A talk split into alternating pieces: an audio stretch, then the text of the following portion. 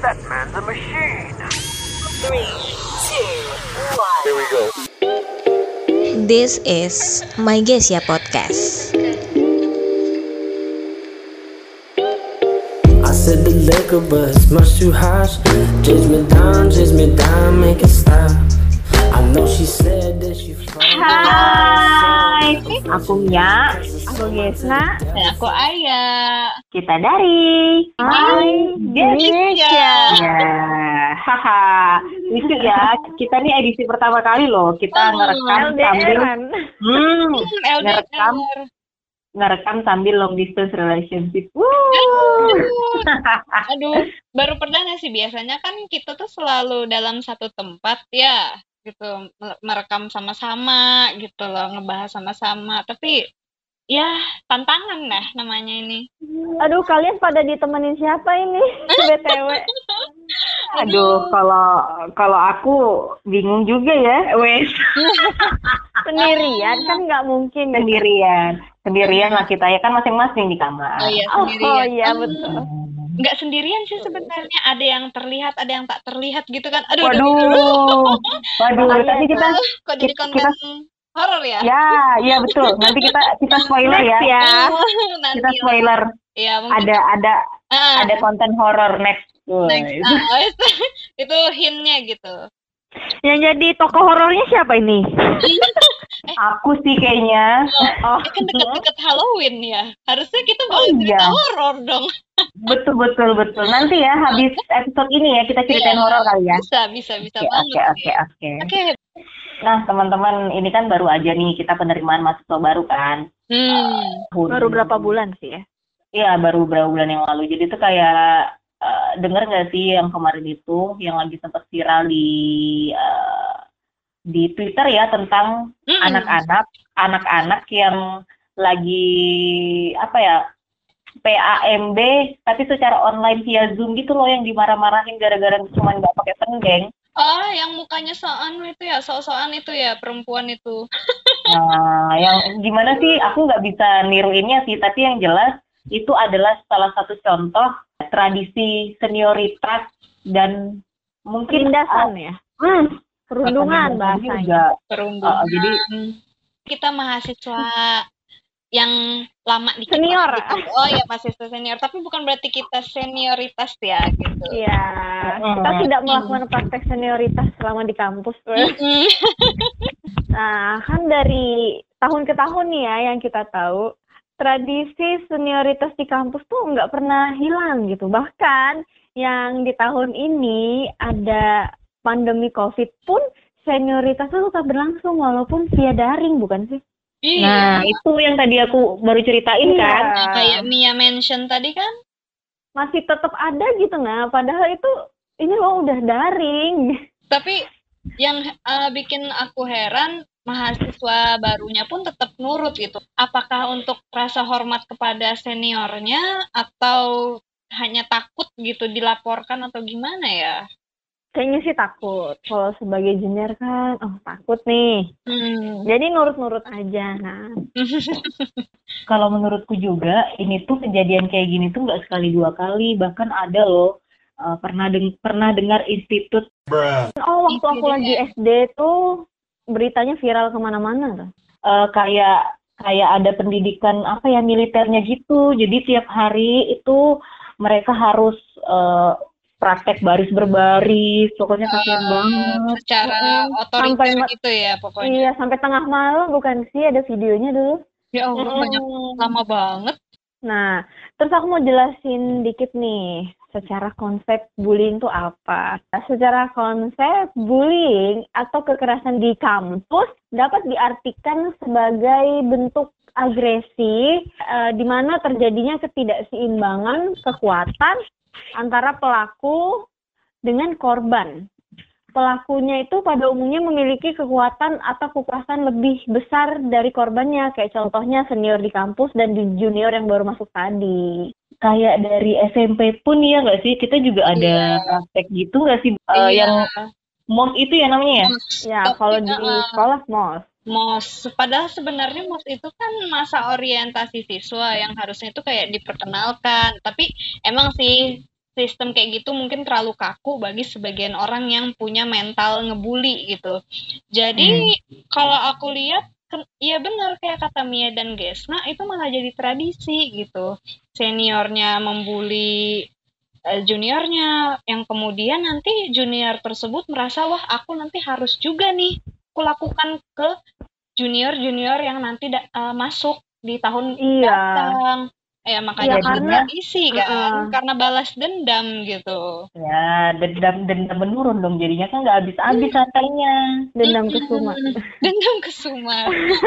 Nah, pelaku bullying sendiri itu menggunakan senioritas dalam melancarkan aksinya.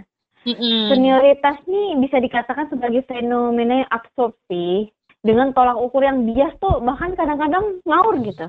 Fenomena senioritas ini terjadi pemisahan kelompok secara sosial berdasarkan umur dalam lingkungan jenjang pendidikan. Yang lebih tua secara umur mendapat label labelisasi secara otomatis sebagai senior.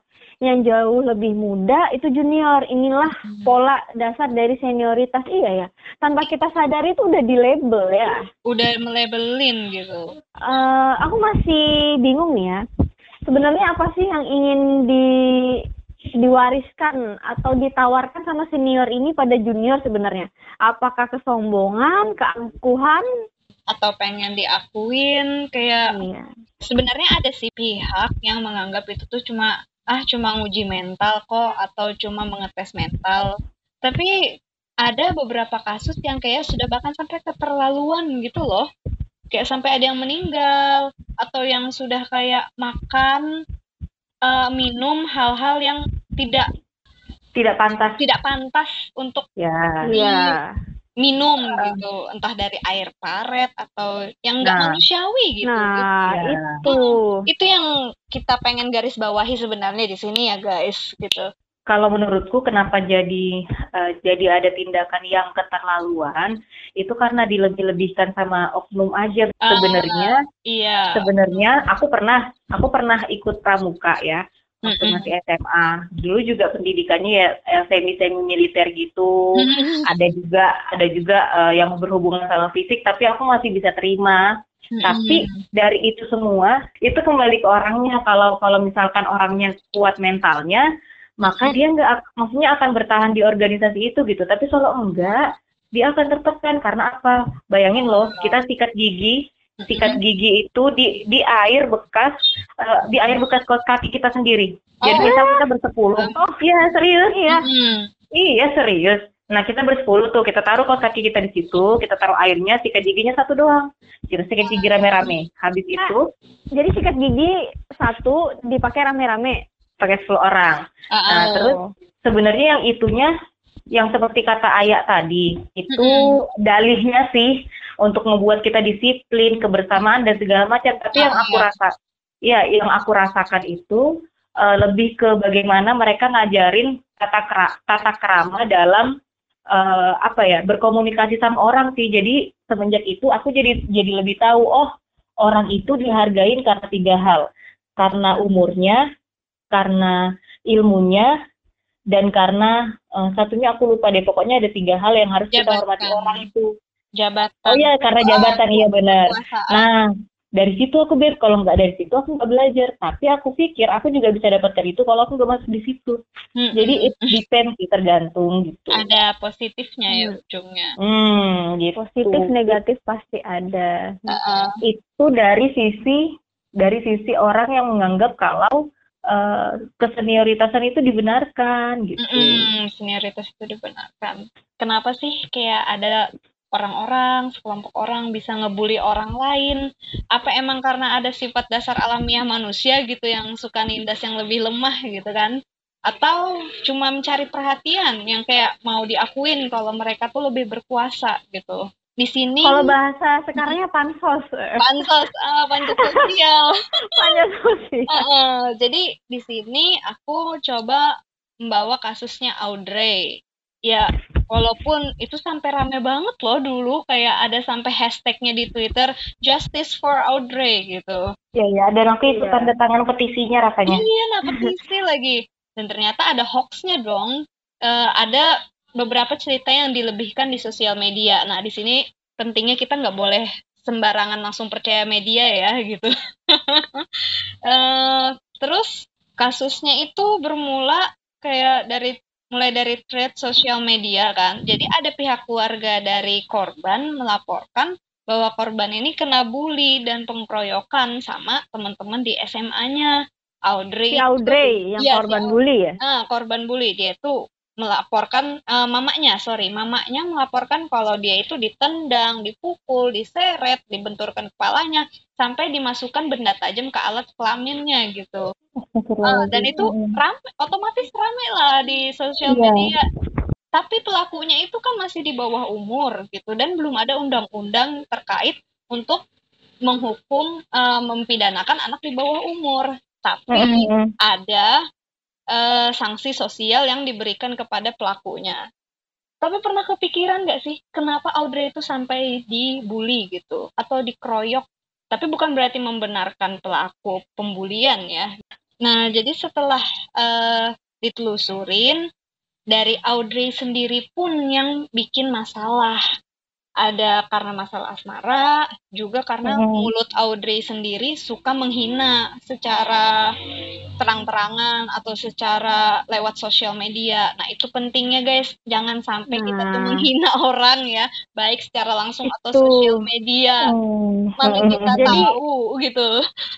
bully ini ada dua jenisnya ya? Eh dua bentuknya, Dua bentuk. kekerasan fis- fisik dan kekerasan psikis. Iya, psikis gitu. Ya. Jadi walaupun ya memang ada hoaxnya sih nggak sampai yang dimasukin alat alat tajam itu, tapi hasil visum juga menyatakan kalau memang ada dia tuh dibentur, dikeroyokin. Bisa dibayangin nggak sih ngerinya? Tapi Iya. balik lagi sih, eh, ini memang karena faktor eh, mulutnya Audrey yang kurang bisa direm. Tapi aku nggak bilang pelaku pembulian ini benar ya Iya. dua-duanya salah gitu. Tapi eh, pembelajaran yang bisa kita petik dari sini hati-hati sama omongan, baik yang dibully sama yang dibully gitu. Jangan Iya, soalnya sampai karena bullying itu bukan dari kekerasan fisik aja, dari verbal juga bisa ya. iya, Nah, ya ya ya betul betul. jangan Menghina, sampai melecehkan, mencela atau melontarkan perkataan yang bisa menyakiti perasaan seseorang. Iya, karena betul. karena ada sebuah ada sebuah pepatah sih yang bilang begini mulutmu harimaumu dan tidak akan ada as eh, ta- tidak akan ada asap kalau nggak ada api. Jadi pasti ada api dulu baru ada asap gitu. Loh Benar. jadi dua-duanya itu saling keterikatan. Jadi kalau menurutku kita harus coba melihat dari eh, dua sisi pandang yang berbeda. Kayak contoh Iya. nih kenapa sih ada ada terjadi kesenioritasan atau kenapa sih kita sebagai maba tuh harus nurut-nurut aja? Pasti kan kita punya dua perspektif. Perspektif dari senior dan perspektif dari kita sebagai maba. Kita pun dulu jadi maba juga kayak nggak ngerti apa-apa kan, maksudnya Iya. seperti apa gitu. Dan ketika sudah jadi senior, ketika ngerti, oh ternyata begini dan harusnya kita yang sudah paham itu kita yang menjelaskan kepada adik-adik yang mau masuk kuliah kalau harusnya tidak menyeramkan uh, ospeknya gitu loh. Nah, kalau itu kan eh, kasus Audrey dari Indonesia ya. Mm-mm. Nah, ini ada kasus pernah dengar nggak Amanda Todd? Dia dari ah, Kanada. Jadi ini ceritanya cyberbullying sih. Ini kisah perundungan ini berujung bunuh diri tragis. Oh my god. Amanda Todd ini seorang pelajar berusia 15 tahun di Kanada memutuskan bunuh diri karena dia tuh nggak tahan perundungan yang terus dialami melalui media sosial. Bertahun-tahun sejak kematiannya itu belum ada kejelasan eh, mekanisme hukum apa yang tepat diterapkan di media internet untuk mencegah kasus seperti Amanda terulang, terulang lagi. Kasus Amanda Todd ini disinggung dalam seminar tentang kejahatan cyber Mm. yang diselenggarakan di Institute for Digital Law and Society dan Kementerian Komunikasi dan Informatika di Jakarta. Kasus Amanda Todd ini sebagai pelajaran penting bagi Indonesia untuk mencegah dan mengatur perundungan digital atau merundung seseorang di media sosial.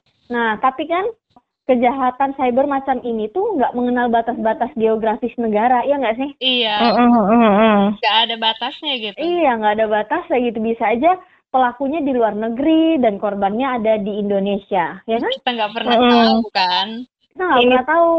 Ini juga kait ada kaitannya sama body shaming kemarin kan yang kita tuh kayak Hmm. bi- bisa seenaknya menghakimi orang tanpa kita tahu orangnya tuh sebenarnya seperti apa gitu kan padahal kan eh, sudah tahu sosial media sekarang itu it- itu jauh lebih luas ketimbang eh, kitanya sendiri untuk pergi ke negara tersebut gitu loh. Iya. karena saking luasnya jadi harus hati-hati. Kalau kalau dulu mulutmu harimaumu sekarang tanganmu harimaumu loh. Iya, Jari, jari, jempol, jempol. Oh iya jari jari jempol. Maaf guys.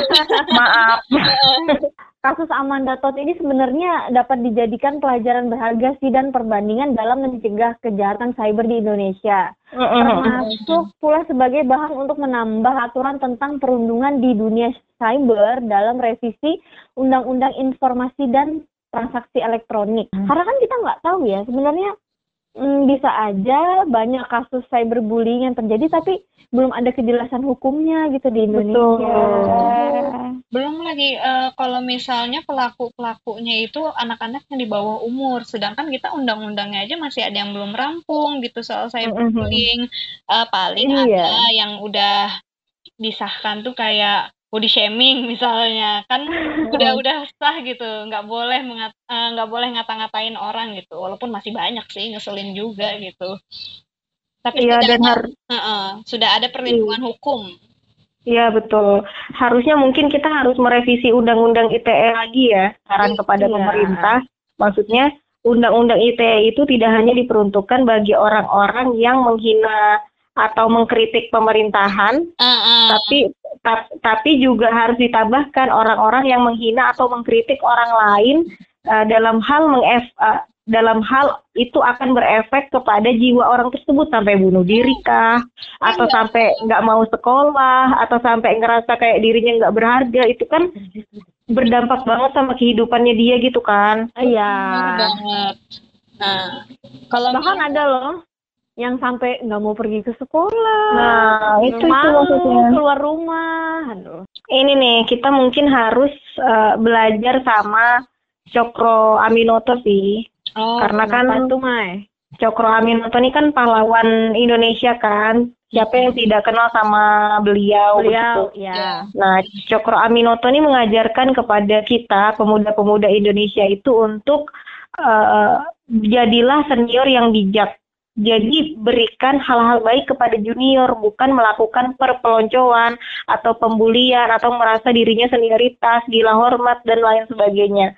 Salah satu contoh eh, tahu Soekarno kan teman-teman ya, Oh, eh, apa presiden pertama Indonesia. Jadi Soekarno itu adalah eh, macam muridnya, murid dari Cokro Aminoto.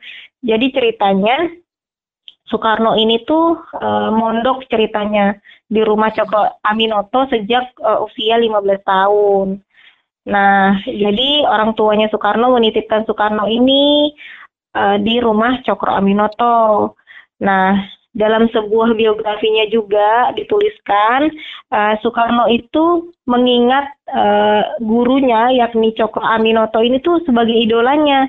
Kenapa? Karena Soekarno merasa Soekarno tuh belajar banyak tentang eh, eh, banyak hal tentang politik, terus eh, bagaimana politik itu dijadikan alat untuk mencapai kesejahteraan rakyat, bukan kesejahteraan em, apa eh, bukan kesejahteraan kaum elit. Terus eh, Soekarno juga belajar tentang bentuk-bentuk modern pergerakan seperti organisasi, terus perlunya menulis di media massa, terus eh, banyak yang Soekarno pelajari tentang Cokro Aminoto, tapi eh, Cokro Aminoto tidak pernah tuh melakukan perpeloncoan atau seperti mukulin kah atau eh, menghina-hina kah kan tidak perlu dengan cara begitu. Tunjukkan saja kita ini sebagai senior yang terbaik. Nanti adik-adik tuh ngikut sendiri kok kalau memang kita itu eh, apa ya berkualitas gitu loh teman-teman maksudku. Iya, justru malah eh, Cokro Aminoto mengajarkan kalau sebenarnya senior tuh kayak gini loh supaya bisa junior itu yang mahasiswa ah maaf maksudnya supaya Soekarno ini bisa mencontoh gitu termasuk Jadi panutan juga. ya Iya, jadi harusnya, bukan jadi yang di aduh dimusuhin junior. Mm-mm, Jadi Hmm. seolah-olah junior malah berpikir aku harus kayak Iya. gini dong nanti tahun depan pasti kayak gitu. Mm, mm. Jadi pola pikirnya mindsetnya bakal bullying terus menerus gitu. Oh. Turun temurun. turun temurun. Kalau dari aku sih sebenarnya lebih ke penyebab kenapa jadi ada mental bully sih gitu kayak kenapa sampai ada itu tuh ada beberapa faktor gitu di sini itu kayak ada pola asuh orang tua lingkungannya atau dia tuh suka berkelahi secara fisik dan bisa juga dia korban bully yang merasa harus balas dendam nih gitu Oh, Hmm. sekarang ini bahasanya abang jago. abang jago Ampun bang jago gitu. Cuman di sini tuh yang paling mendasari kenapa anak ya terutama bisa punya mental bullying itu karena dari faktor pola asuh orang tua gitu. Misalnya gitu kan, suami istri ini lagi konflik, terus jadi si anak jadi pelampiasan pertengkaran orang tuanya. Akhirnya kan Mm, mm, mental anak ini jadi kacau gitu. Atau misal orang tuanya sibuk gitu, nggak terlalu memperhatikan anak, jadi anak ini nggak ada yang bisa diminta perhatian. Akhirnya mereka me- mencari perhatian dengan cara membuli orang, melukai orang demi mencari perhatian gitu. mm. Kebanyakan juga orang tua cuma mengajarkan apa yang lazim di lingkungannya atau pengalaman kayak orang zaman dulu gitu loh. Nah, ini juga jadi penyebab adanya mental illness karena Hmm. dari dari keluarga sendiri tuh sudah tidak memberikan suasana yang kondusif gitu hingga akhirnya eh, terjadilah eh, kesenioritasan itu tadi, pembulian dan kekerasan baik eh, secara verbal ataupun secara psikis gitu ya. Hmm. Jadi Atau kayak Ah, anak atau orang tersebut berasal dari keluarga yang toksik. kalau menurutku semua apa ya, semua orang itu bertanggung jawab untuk melahirkan suasana yang kondusif agar tidak terjadi lagi kesenioritasan, baik itu dari eh, dari pendidikannya kayak sekolahan, terus kampusnya, terus keluarga juga, lingkungan pertemanan juga, Hmm. dan juga dari pemerintah juga harus mendukung. Jadi semua faktor ini Semua ketika elemen ya. ya semua elemen ini ketika sudah ke- ketika sudah saling mendukung maka eh, insya Allah ya kan semuanya itu baik-baik aja ketika semuanya dijalankan. Tapi kalau salah satu tidak dijalankan kayak misal di keluarga aja suasananya tidak kondusif akan tetap ada orang-orang yang punya jiwa ingin membuli orang lain, ingin melakukan kekerasan ke orang lain gitu. Iya. Iya. Jadi yang mau yang bercita-cita mau jadi orang tua yang baik untuk anaknya atau yang sudah menjadi ayah dan ibu, mudahan gitu bisa mengasuh dan memperhatikannya anak memperhatikan anaknya dengan baik. Ya mudah-mudahan kita juga bisa ya, gengs gitu. Amin, amin, amin. Kalau dari aku sih seharusnya ya seseorang itu dapat menjalani kehidupan yang bebas. Bebas itu bebas dari intimidasi siapa pun dan bebas dari pelecehan. Nah, dan sudah saatnya kita-kita ini agent of change ya. Agent of change gitu. Ya, mengambil sikap untuk menentang hal semua itu kayak speak up entah di platform apa aja, platform medsos Mm-mm. atau bisa bentuk suatu kegiatan sosial dalam anti bullying misalnya, kampanye kayak campaign kecil-kecilan gitu. Mm-mm. Lewat podcast kayak gini juga bisa gitu. Iya, ya. Banyak platform sekarang. Aku mungkin ada dua arah ya. Kayak mulai dari yang pembuli gitu. Aku cuma pengen menyampaikan gitu. Kalau kamu membuli orang lain, itu nggak membuat dirimu terlihat lebih hebat gitu. Justru kamu cuma terlihat lemah. Karena kamu kerjanya cuma bisa nindas orang gitu. Kamu merugikan orang lain. Kamu membuat orang mental orang lain tersiksa. Keuntungan di kamu apa? Hanya kepuasan gitu. Jadi sebelum kamu mau menindas orang lain, pikirkan lebih baik dulu. Kita nggak pernah tahu karma itu bisa berbalik loh. Kalau kamu hari ini menindas orang, mana tahu ke depannya kamu bisa ditindas orang lain juga.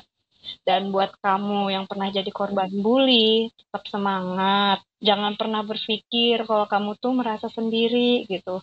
Tenangkan pikiran, ambil nafas dalam-dalam. Kalau perlu blok aja akun-akun orang yang suka eh, menghina gitu.